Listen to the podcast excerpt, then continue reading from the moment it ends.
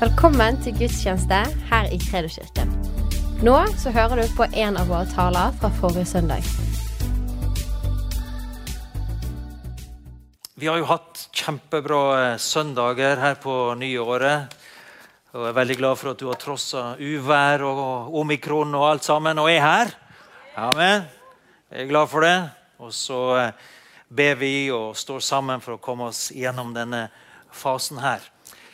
Eh, det som er greien Vi har hatt veldig gode Pastor Olav har delt eh, veldig flott her nå på nyåret om hvordan Gud har vist han en bevegelse. Og Han viste et seil, en seilbåt, og hvordan når Gud, Guds vind blåser, så settes ting i bevegelse. Og da er det jo først og fremst mennesker som settes i bevegelse. Ikke sant? Eh, og eh, Sist søndag delte han om en Jesus-bevegelse og viste litt historikk fra Norge. Hva som faktisk har skjedd i landet vårt. Og vi tror på det. Vi tror på at Jesus beveger mennesker. Amen. Den forventningen har vi også i vår tid. Og vi har forventning om det i årene som kommer, at Jesus vil bevege sitt folk, som igjen vil nå ut til mange mange mennesker som i dag kanskje ikke definerer seg som troende eller kristen, men de kommer til å ta imot Jesus. Amen. Gud har masse folk i denne byen her, i Bergen, og han kommer til å få mange flere. Det tror vi på. Og det kommer til å være mange levende, friske menigheter i denne byen. Og når Vi var samla en del pastorer her eh, på fredagen og ba, så vi ber om at dette skal være en annerledes by. Her skal det være lett å komme til tro i denne byen her, og i omegn. Amen. Og at vi ikke skal gå i samme retning som mange andre byer gjør i Europa, men vi skal holde fast ved den kristne troen. Masse menigheter som forkynner evangeliet og har en sønn lære og bare gå frimodig framover. Det tror vi på. Amen. Det er en del av det som Gud har kalt Bergen til. Skal vi sende masse misjonærer, menighetsplantere eh, og eh, folk av alle mulige yrker og yrkesgrupper skal være til velsignelse i Bergen, men også utover landet vårt og utover verden. Eh, så I dag skal jeg snakke om det at Jesus vinner alltid til slutt. Men jeg kommer også til å eh, oppkjenne på en måte et, et ansvar en, eh, for at vi også eh, for, at vi er forberedt. At vi er rusta for den tiden vi lever i, og den tiden vi går inn i. For, og Bibelen har veldig mye å si om det. Så jeg har lyst til at vi skal gå gjennom Skriftene, vi skal gå, se litt på historie. Og altså, få Guds perspektiv på hvor vi er hen, og hva han sier til oss. Det er klart at Den første menighet de, eh, de opplevde på en måte en utrolig spennende tid med pinsedag og utgytelse av Den hellige ånd. Men det gikk ikke så veldig lang tid, så fikk de skikkelig motstand også. Evangeliet gikk kraftfullt frem, men så var det også stor motstand. Så det er noe sånn at når vi beveger oss fremover, så vil det også bli friksjon. Det vil alltid bli motstand på det som Gud gjør i og gjennom sin menighet. Men vi frykter det ikke. Vi må bare være obs på det og klar over det. Og Gud forbereder oss på det. Jeg har tenkt litt på eh, Det må være ganske frustrerende å være fienden til Jesus. Eh, Bibelen snakker om lovløshetens ånd, antikristens ånd osv. Og, og, og, og eh, vår fiende han bygger og jobber og strever for å bygge sitt rike igjen og igjen. Men det er akkurat som hver gang han begynner liksom å få til noen ting, så tar Jesus foten ned fra himmelen og så bare Har det vært noen, Jeg husker sandkassen hjemme hos oss, der jeg vokste opp.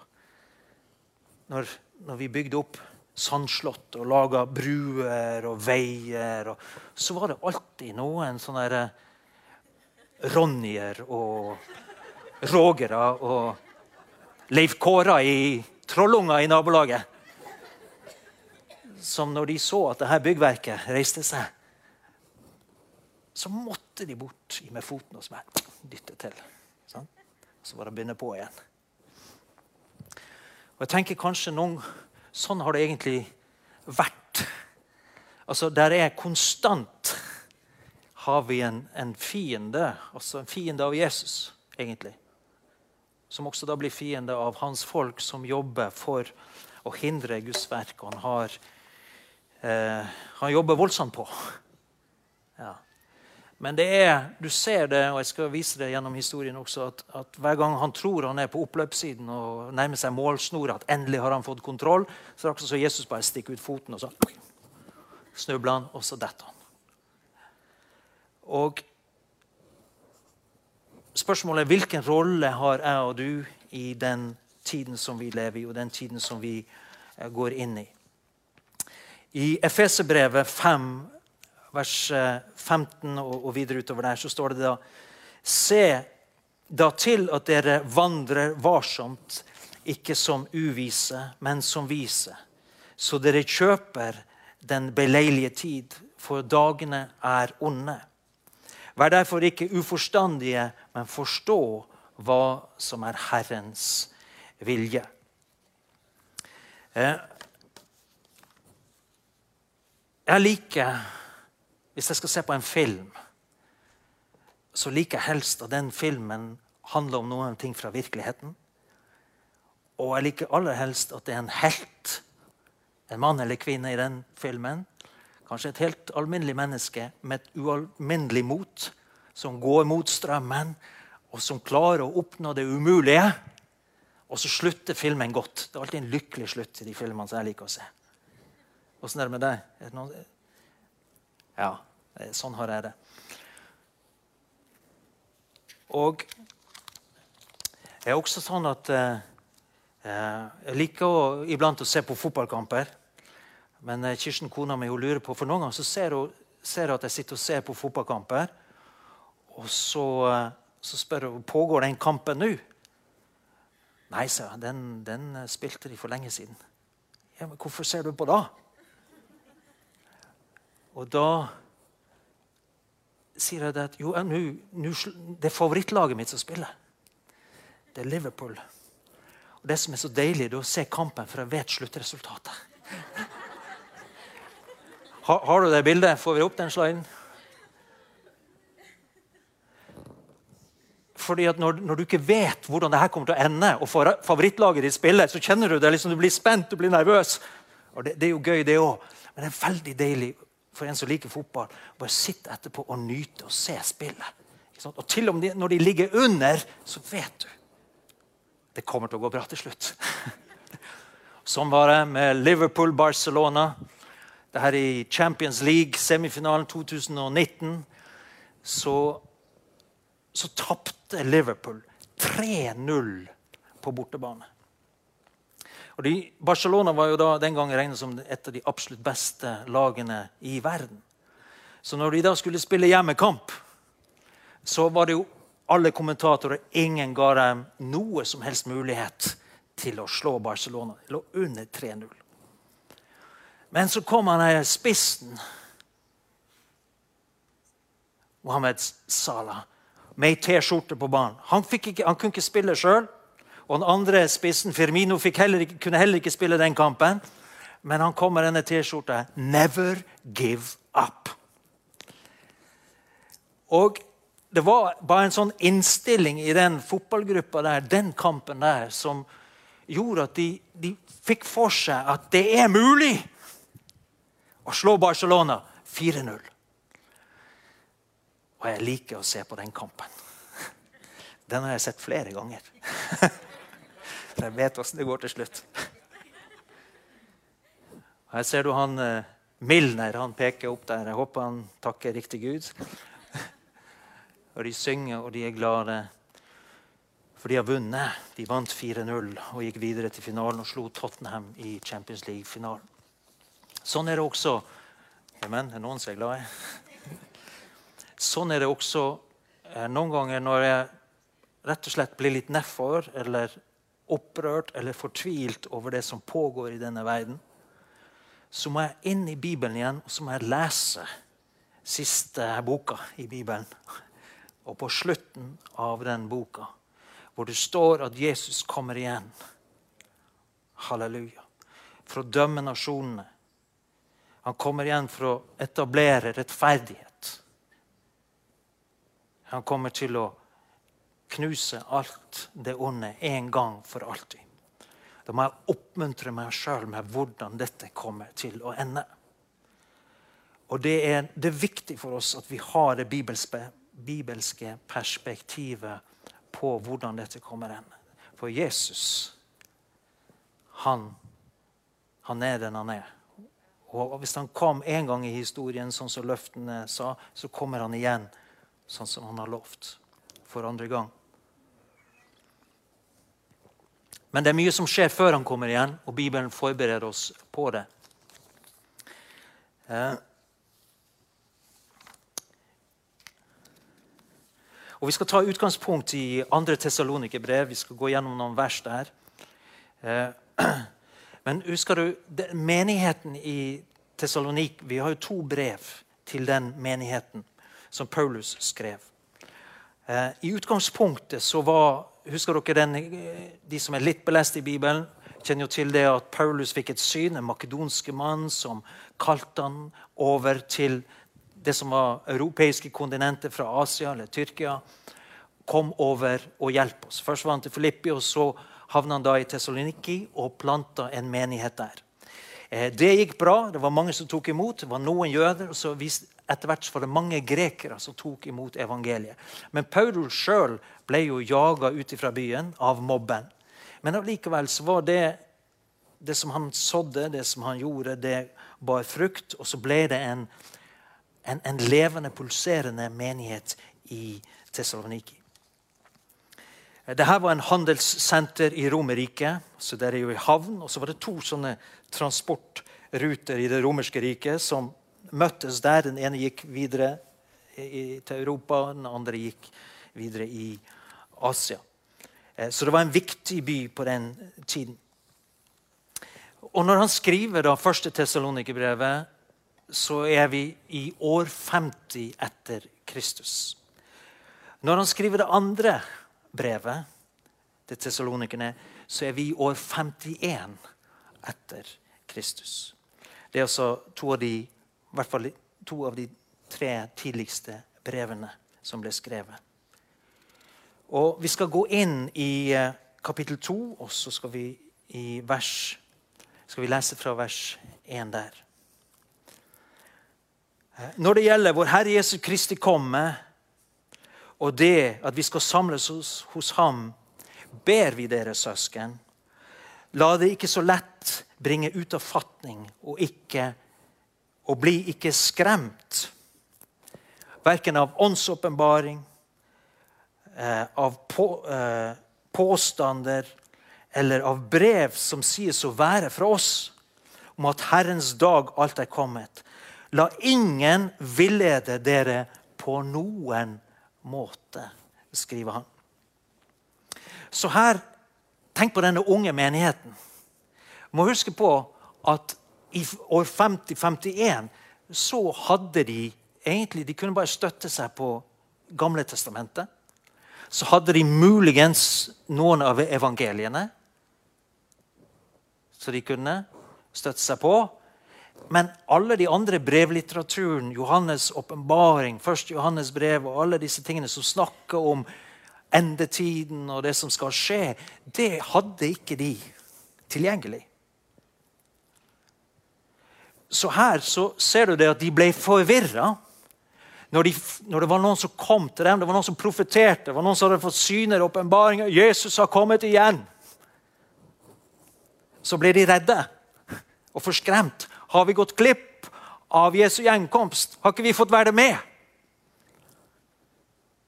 Og så var det noen som til og med så skrev i Paulus sitt navn og sendte falske brev til dem.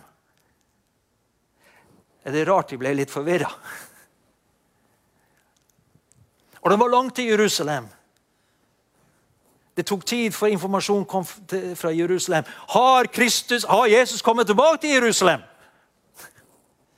De, de, de, ble redde, de ble usikre.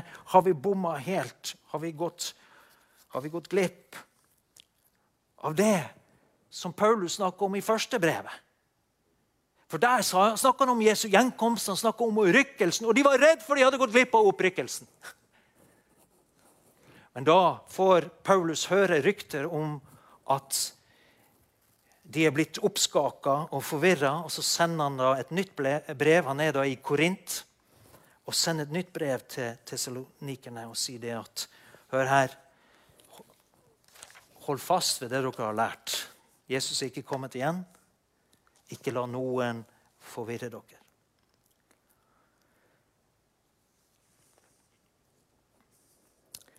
Og så, men så fortsetter Paulus da eh, så sier han det at hør, nå skal jeg fortelle dere noen ting om hva som kommer til å skje før Jesus kommer igjen. Så han måtte instruere dem og gi dem en solid fundament å stå på. Så sa han det at For først må frafallet komme, og den lovløse vise seg, han som er fortapelsens sønn. Han står imot og åper seg over alt som kalles Gud og helligdom. Ja, han tar sete i Guds tempel og utroper seg selv til Gud. Husker dere ikke at jeg sa dette da jeg var hos dere? Altså, De hadde glemt hva Paulus hadde sagt, og så gjentar han seg sjøl. De hadde jo fått lært da, ikke sant, fra Gamle testamentets profetier, Daniels bok, om at det skulle komme en ødeleggelsens styggedom i den siste tid. og Noen som kom til å settes opp i tempelet i Jerusalem, som kom til å opphøye seg sjøl til Gud. Det var et tegn. Det skulle være et tegn på at tiden var der. Og så skulle Guds rike manifestere seg etterpå i, full, i fullhet. Men det vi også må forstå, det er det at og, Jesus hadde også snakket om dette her i Matteus 24, 15, så hadde han vært inne på det som skulle skje. Så det var ikke bare Daniel. Jesus hadde også snakket om det. Men hvis vi prøver å sette oss inn i den tiden og den settingen så disse nye troende i Tessaloniki opererte. Så bare ti år tidligere så var det en keiser, eh, Caligula, som regjerte i Romerriket. Fra 37 til 41. Og han ville sette opp en statue av seg sjøl i tempelet og bli tilbedt som Gud. Får vi opp den sliden? Men da, i Syria, så var det en guvernør som skjønte det at hvis vi setter opp noen statuer av keiseren i tempelet, jødenes tempel, så kommer det til å bli borgerkrig i landet. Så han trenerte keiseren befaling. Han gjorde alt han kunne for at, å utsette denne ordren fra keiseren. Men til slutt så han insisterte på det. Skal, jeg skal tilbere, tilbes i tempelet i Jerusalem. Så han fikk laga en gedigen bronsestatue i Rom. Skulle sendes med skip til Jerusalem og settes i tempelet for at han skulle tilbes. Så forteller historien da at på vei, mens det er i transport på vei til Jerusalem, så dør keiseren. Og guvernøren puster letta ut. Og det blir ingenting av denne avguden som settes opp i tempelet. Kanskje de, de, disse nye troende visste om det her. Det var jo i Romerike. det pågikk jo alt dette her. Og Så går vi bare litt seinere, i 54, så kom det en ny keiser. Keiser Nero. Og han viste seg å være en galing. Og Han vendte seg etter hvert imot de kristne. Han var så sinte på de nye kristne at han i Rom blant annet, så brukte han dem til å lyse opp gatene i Rom. Tente fakkel av de kristne. Hadde olje på dem, så var de fakla i gatene mens han brant dem til døde. Så, mange, så de tenkte at nå er, er denne ødeleggelsens styggedom eller denne antikristen. Nå er han her. Han er kommet. De forventa at Jesus kommer hvert øyeblikk. Og så fikk de høre at nå var den romerske hæren Jødene gjort opprør i, i, Juda. Og nå hadde romerske hæren gått inn i, i, i, Judea. De var på vei til Jerusalem i 66, og de tenkte nå skjer det! Som vi har hørt, som Paulus har fortalt oss. Nå er det på gang! Nå må vi være klar! Nå kommer han! Nå kommer Jesus snart! Men så dør Nero i 68. Og så vet vi at Jerusalem ble inntatt i år 70. General Titus med den romerske hæren. De knuser tempelet. De river alt ned. De brenner. De river ned. De bryter steinene og murene ifra hverandre. Historien forteller at, at gullet i tempelet smelta pga. flammene. Og soldatene ville ha tak i alt gullet, så de brøt i stykker alt for å få tak i gullet. Men fremdeles var ikke Jesus kommet igjen. Men Jesus hadde sagt at disse steinene, det tempelet, kom til å bli ødelagt. Han hadde fortalt disiplene om det. De så det for sine øyne, men ennå var ikke dagen kommet da Jesus kom igjen. Jeg lurer på hva de tenkte på den tiden. Eh, stemmer ikke det vi tror på? Er det eventyr? Nå har vi hatt to skikkelig gale keisere som begge ønsker å bli tilbedt til Gud. og De har planer om å sette opp statuer i, i tempelet. Men, Jesus, men det har ennå ikke skjedd.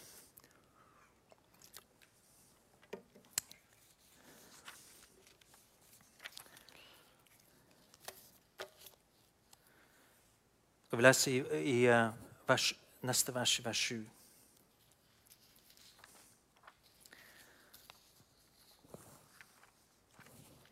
Dere vet hva som nå holder igjen, slik at han først åpenbarer seg når hans tid er inne.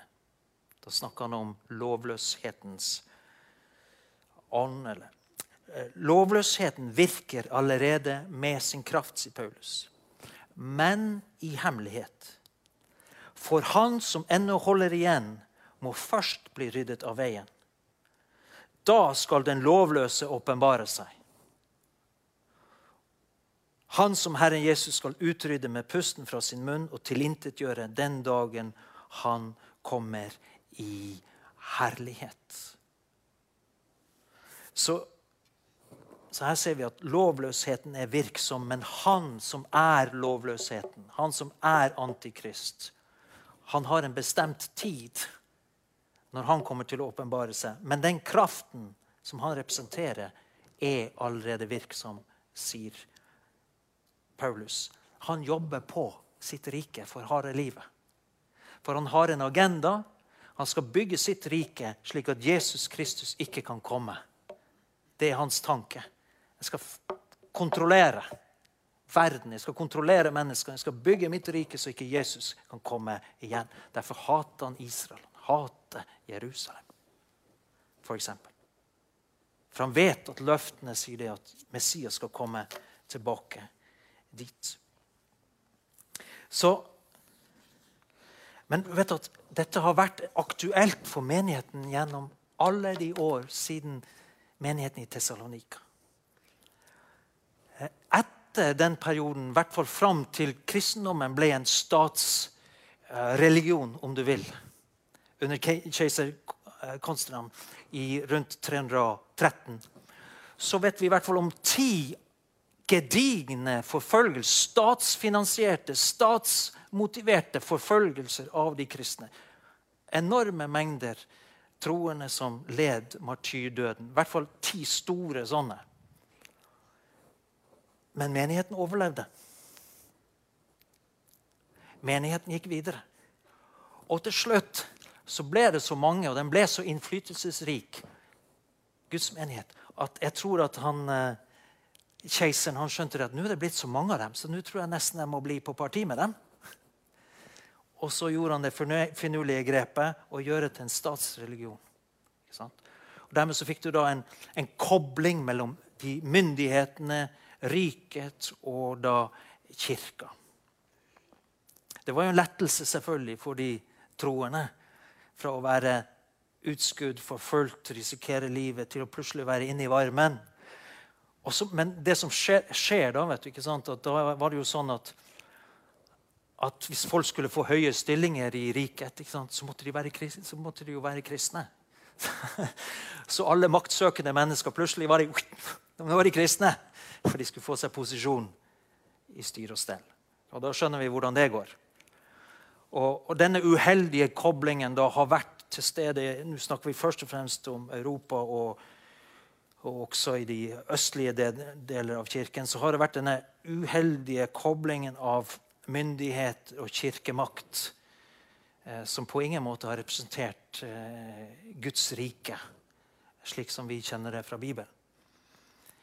Og, og hele den historien der så har det jo vært en, på en måte et, en konkurranse, en kamp mellom disse to eh, verdslige makten og kirkemakten. Og så har de samarbeid når de har hatt nytte av det. Og Da ser vi da at det har vært mange på en måte onde herskere. Både i pave, flere paver som ble identifisert som den lovløse, eller som antikristen. Det var flere regenter som ble som de tolka som da eh, antikristen. Og når man går gjennom historien, og, og, det var sånn at alltid så var de kristne, altså de som var levende, troende, åndsfylte kristne, de var alltid forfulgt. Både av den offisielle kirken og til dels av myndighetene. Gikk jo i perioder, men sånn har det alltid vært. Men men, Guds menighet har alltid overlevd og kommet sterkere tilbake. Og Vi lever i en tid hvor Guds menighet er på offensiven. Hvis du går rundt i verden og ser, i Sør-Amerika, i deler av Asia, Afrika, og nå begynner det å, bryte igjennom i Midtøsten Folk som har vært stengt fra evangeliet i århundrene. Nå, akkurat så det bare løsner så får de syner og åpenbaringer, og, og, så kommer de i berøring med ekte, sann kristen tro. Og så tar de imot Jesus.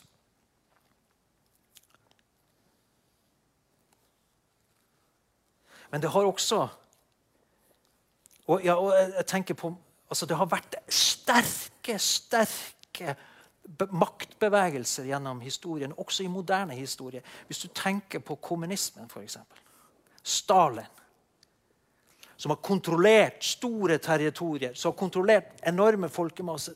Trolig mange mennesker som har blitt drept pga. den ideologien. Gudløse ideologien. Virkelig antikristens ånd som har drevet det fram. Men det har blitt knust. Det har blitt stoppa. Jesus har bare når tiden var inne, så han bare sparka til hele sandslottet. Og så dette er det samme. Sammen med nazismen. Ekstrem på vårt eget kontinent i Europa.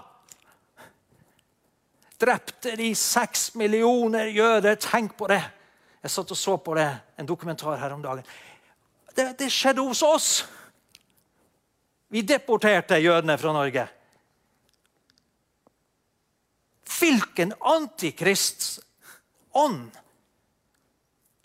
som har operert på vårt kontinent. Det er helt ufattelig å tenke på. Men så kom tiden. og Bare Jesus sparka til det, og så mista de makten. I historien også så vet vi det at det har vært altså Det ligger noe i denne makten som prøver å kontrollere. Antikristens ånd har en agenda, det er å kontrollere manipulere, lyge, for at folk ikke skal komme til tro på Jesus. Eh, og, han, og den, den, søker makt, den søker kontroll, den søker innflytelse for å hindre Guds rike å gå fram. Men vi ser også bare sånne eksempel i historien. Eh, jeg så på en dokumentar om Djengis Khan og det mongolske riket.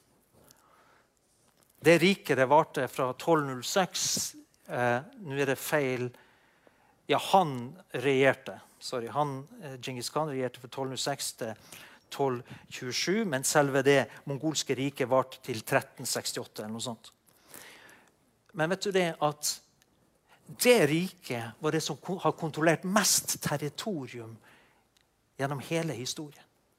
De var så ekstremt voldelige at historien sier oss at de drepte Altså, de inntok Sentral-Asia, Persia, eh, Midtøsten, Kina Og de var så voldelige og ekstreme at eh, historikerne mener det at de drepte eh, 10-11% av jordas befolkning i, i denne ekspansjonen for å underlegge seg nasjonene. Og hva tror du han kalte seg? Djengis Khan. Hva tror du det betyr? Ja, Det betyr 'herskeren over havene', eller 'verdens hersker', kalte han seg sjøl. Så dette har vært Denne kampen har pågått gjennom hele historien. Og så sier Paulus Vi, vi, vi så det i sted, at Paulus sier det at eh, Men dette kan ikke stå fram i sin fullhet før han som holder igjen, tas bort. Og Jeg skulle veldig ha vært i Tessalonike der når han underviste de nye troende. For de fikk det forklart, men vi, vi får det ikke forklart. Jeg vet ikke hvorfor. Hvorfor holder du det hemmelig for oss? Men her er jo da, sånn så det, da blir det jo liksom litt åpent for tolkning. Og Det har vært forskjellige tolkninger opp igjennom historien. Og Noen har sett på dette her som det som holder fiendens rike i sjakk og hele tida ødelegger det han prøver å gjøre. Bl.a. at Gud bruker da eh, nasjonalstaten. Eh, han bruker konstellasjoner av, av mektige riker som utgjør en maktbalanse. Altså de, de på en måte holder hverandre i sjakk og dytter hverandre over. Det er ingen sivilisasjon opp igjennom som har overlevd når de, etter en viss periode. Jeg tror det er Guds hånd gjennom historien. Fordi at han styrer, og han fullfører sin gjerning. Men den andre tingen som jeg tror også dette, det som holder igjen, er rett og slett Den hellige ånd, Guds ånd som er utgitt på jorden. Den hellige ånd virksom gjennom sin menighet, gjennom meg og deg. Og hele den globale menighet. Det er den åndelige kraften og den moralske kraften i verden som holder igjen fiendens planer. Og jeg tror at Gud ønsker å bare oppmuntre oss til å være svært frimodige og sterke i denne tiden.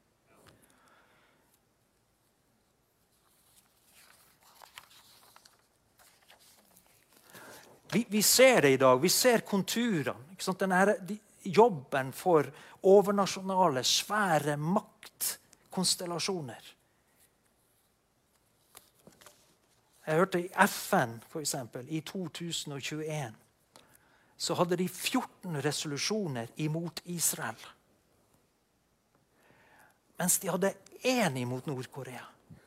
De hadde én imot Iran. De hadde én resolusjon mot eh, diktaturet i Myanmar.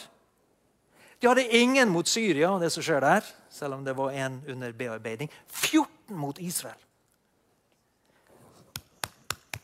Du liksom lurer hvor er vett og forstand hen? Ja, men Jeg sier ikke at Israel er verdens beste, mors beste barn, også, men det er nå tross alt et demokrati. Mens disse andre her er jo regimediktaturer. Hva er det som gjør det mulig? Jo, det er denne ånd som er virksom. Men hva skal vi kristne gjøre i denne tid? Først og fremst, som jeg sa, Vi skal forkynne evangeliet og praktisere evangeliet mer frimodig enn noen gang. Amen. For ennå er det tid for det. Og vi skal be for våre myndigheter. Vi skal be om at de gjør det gode som er deres oppgave. Og så skal de stoppe det onde. Så har vi, vi har en utrolig viktig jobb i det å be for myndighetene. Fordi at denne antikristens ånd søker makt.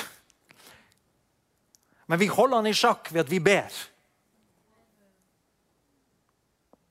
Og så skal vi også tale. Vi skal tale, vi skal forkynne evangeliet, og så skal vi også stå for sant, det som er rettferdig.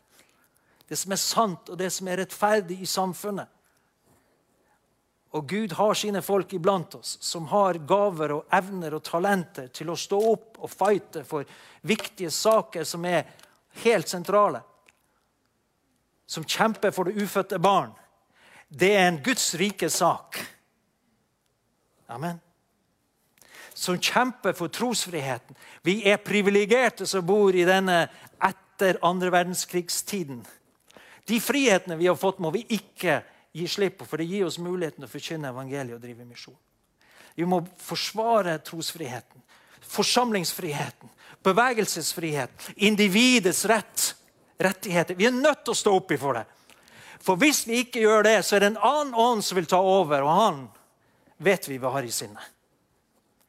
Og jeg har bedt til Gud Gud, du må gi oss mer tid. Vi har ikke fullført misjonsbefalingen. Gi oss mer tid. Og han kommer til å gi oss mer tid. Til at Guds menighet er det den skal være, og gjør det den skal være. Salt og lys i denne verden. Hva skal vi gjøre som enkeltpersoner, som individer? Vi skal søke Jesus, ta vare på Hans ord, holde det hellig og rent. Søk Han, ta tid i Skriftene, ta tid, bli fylt med Han, bli fylt med Hans kraft.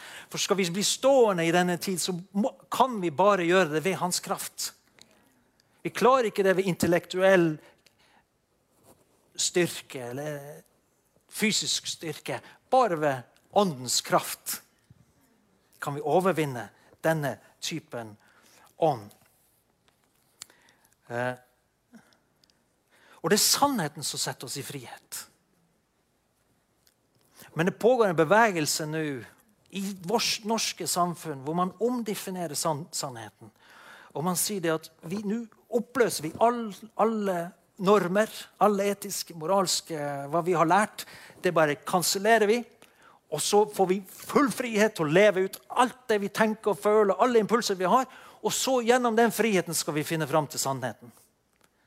Men uh, de som har lest Bibelen, skjønner at det går veldig galt. Men det er den typen ideologi som vi facer i vårt eget samfunn. Derfor må vi være frimodige på å forkynne sannheten om Jesus, sannheten om livet, sannheten om synd, sannheten om frelse, sannheten om korset, sannheten om oppstandelse. Alle disse tingene. Og vi skal stå imot frykt. Kjære venner. Amen. Eh, hva er Jeg ser på litt sånn rare dokumentarer. Jeg ser på 'Hvordan bli en diktator'. Nei. Du studerer diktatorene gjennom historien. Hva er det de er så dyktige på? Hva er de så flinke på? For Du lurer på hvordan klarer de det? Å få sånn kontroll over et folk. Og Det har jo selvfølgelig med timing og personlighet og, og alt dette her å gjøre. Og, men, men, det de sier, det er at de har en utrolig evne til å skape krise. Krisesituasjoner. Ja, og da bruker de løgn, alle knep de kan komme på. Eller det kan være reelle kriser. For å skape frykt, for å gjøre folk utrygge, gjøre folk redde, gjøre folk nervøse. Og så, når de er redde nok, så kommer man med en løsning mot at de gir fra seg friheten. Det var liksom det de sa på denne dokumentaren. Og på, den måten så arbeider de seg inn og får, får kontroll. Mens vi skal stå all frykt imot. Vi skal være vise, forstandige og fryktløse. Ikke dumme, men fryktløse. For vi har Herren med oss. Han bor i oss. Vi skal, vi skal be for de syke og tro på at Guds helbredende kraft virker i dag. Der vi ser onde ånder plage mennesker, så skal vi i Jesu navn kaste de ut. Skal vi bevare enheten blant de troende? La meg legge til de sanne troende. For Bibelen sier at vi skal være sannheten tro i kjærlighet. Men stor Og jeg ber om at Gud skal døpe oss i sin kjærlighet. Vi har kjærligheten lagt inn i våre hjerter ved Den hellige ånd, sier Bibelen. For det kommer til trengs masse kjærlighet. Mye overbærenhet, mye godhet i tiden som kommer. Mye tilgivelse.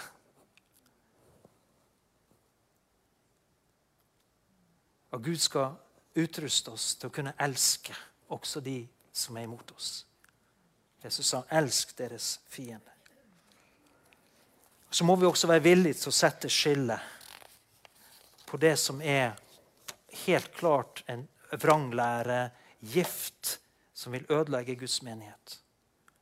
Du vet, når vi har, og, og vi leste i Tessalonikerbrev, det store frafallet Nå kan man jo spørre seg hva det er for noen ting.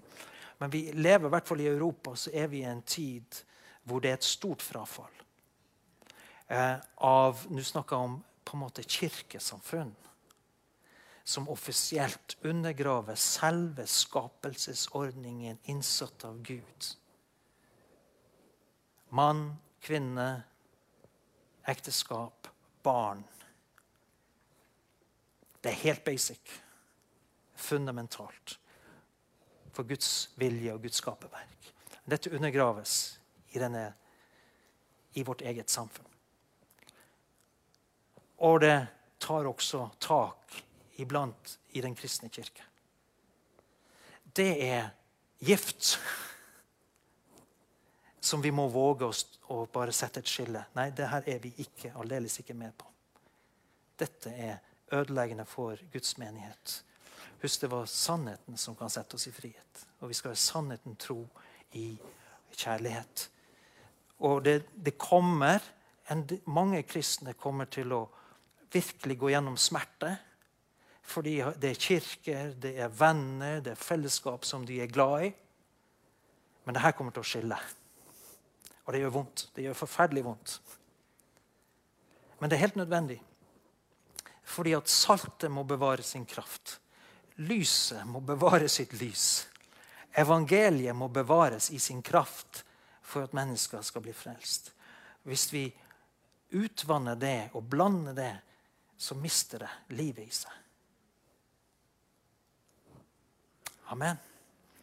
Skal vi være et folk som våger i kjærlighet stå fast på sannheten i en tid som vi, kommer, som vi er i, og som vi kommer inn i? Skal vi det? Ja. Det kommer til å gi vekst. Gud kommer til å gi vekst til sin sanne menighet, sin sanne kirke. Og I 1. Johannes 4,4 kan vi ta opp den, så står det Han som er i dere, er større enn han som er i verden. Så Den hellige ånd som bor i meg og deg, er større enn den ånd som er i denne verden. Og i 5.4 så står det for alt som er født av Gud, seirer over verden. Og dette er den seier som har seiret over verden, vår tro. Amen. Tenk på det, folkens. Vår tro, altså det er troen på Jesus Kristus som seirer over verden. Altså den ånd som er i verden. Det kan vi ikke gjøre i egen kraft. Men når vi er fulle av Hans kraft, så overvinner vi. Guds menighet reiser seg. Guds menighet kommer igjennom. Guds menighet, den sanne menighet, fullfører sin hensikt og sin plan på jorden i vår tid. Og vi skal være med på det. Jeg håper vi alle sammen vil være med på det. Og du som er der hjemme Jeg håper og tror at du også vil være med på det, selv om det vil koste. Selv om det vil smerte iblant, så skal vi beskytte enheten, beskytte hverandre. Vi må stå på sannhetens grunn i kjærlighet. Amen? Ja. Så jeg har lyst til å avslutte nå rett og slett med at Gud skal uh, Han har gjort det, og han gjør det, med at han skal forberede oss og istandsette oss. Sånn at vi at det er bare en, en, kjærlighet til Gud og til mennesker som gjør at vi, at vi går den ekstra mila. Som gjør at vi tar den der ekstra støyten, om det så skulle være. For vi vet hvem vi tjener. Vi vet hvilken pris Jesus betalte for vår frelse. ikke sant? Så da kan vi også ofre det som han allerede har gitt oss. Det er han som har gitt oss liv, i alle fall. Så Amen. Kan vi, lovsangene kan vi komme opp, og så, og så ber vi en bønn først sammen. Og så hengir vi våre liv til, til Jesus. Himmelske Far, kan du be for deg sjøl? Legg gjerne hånda på hjertet ditt hvis du vil, eller fold hendene, eller whatever you want to do. Himmelske Far, jeg takker deg for din fantastiske menighet. For ditt fantastiske folk, Herre. Eh, ditt trofaste folk, Herre. De som, som elsker deg, som elsker ditt rike, som elsker mennesker, Herre. De som vil stå på barrikadene i bønn. De som vil stå, Herre, for sannheten i kjærlighet, Herre.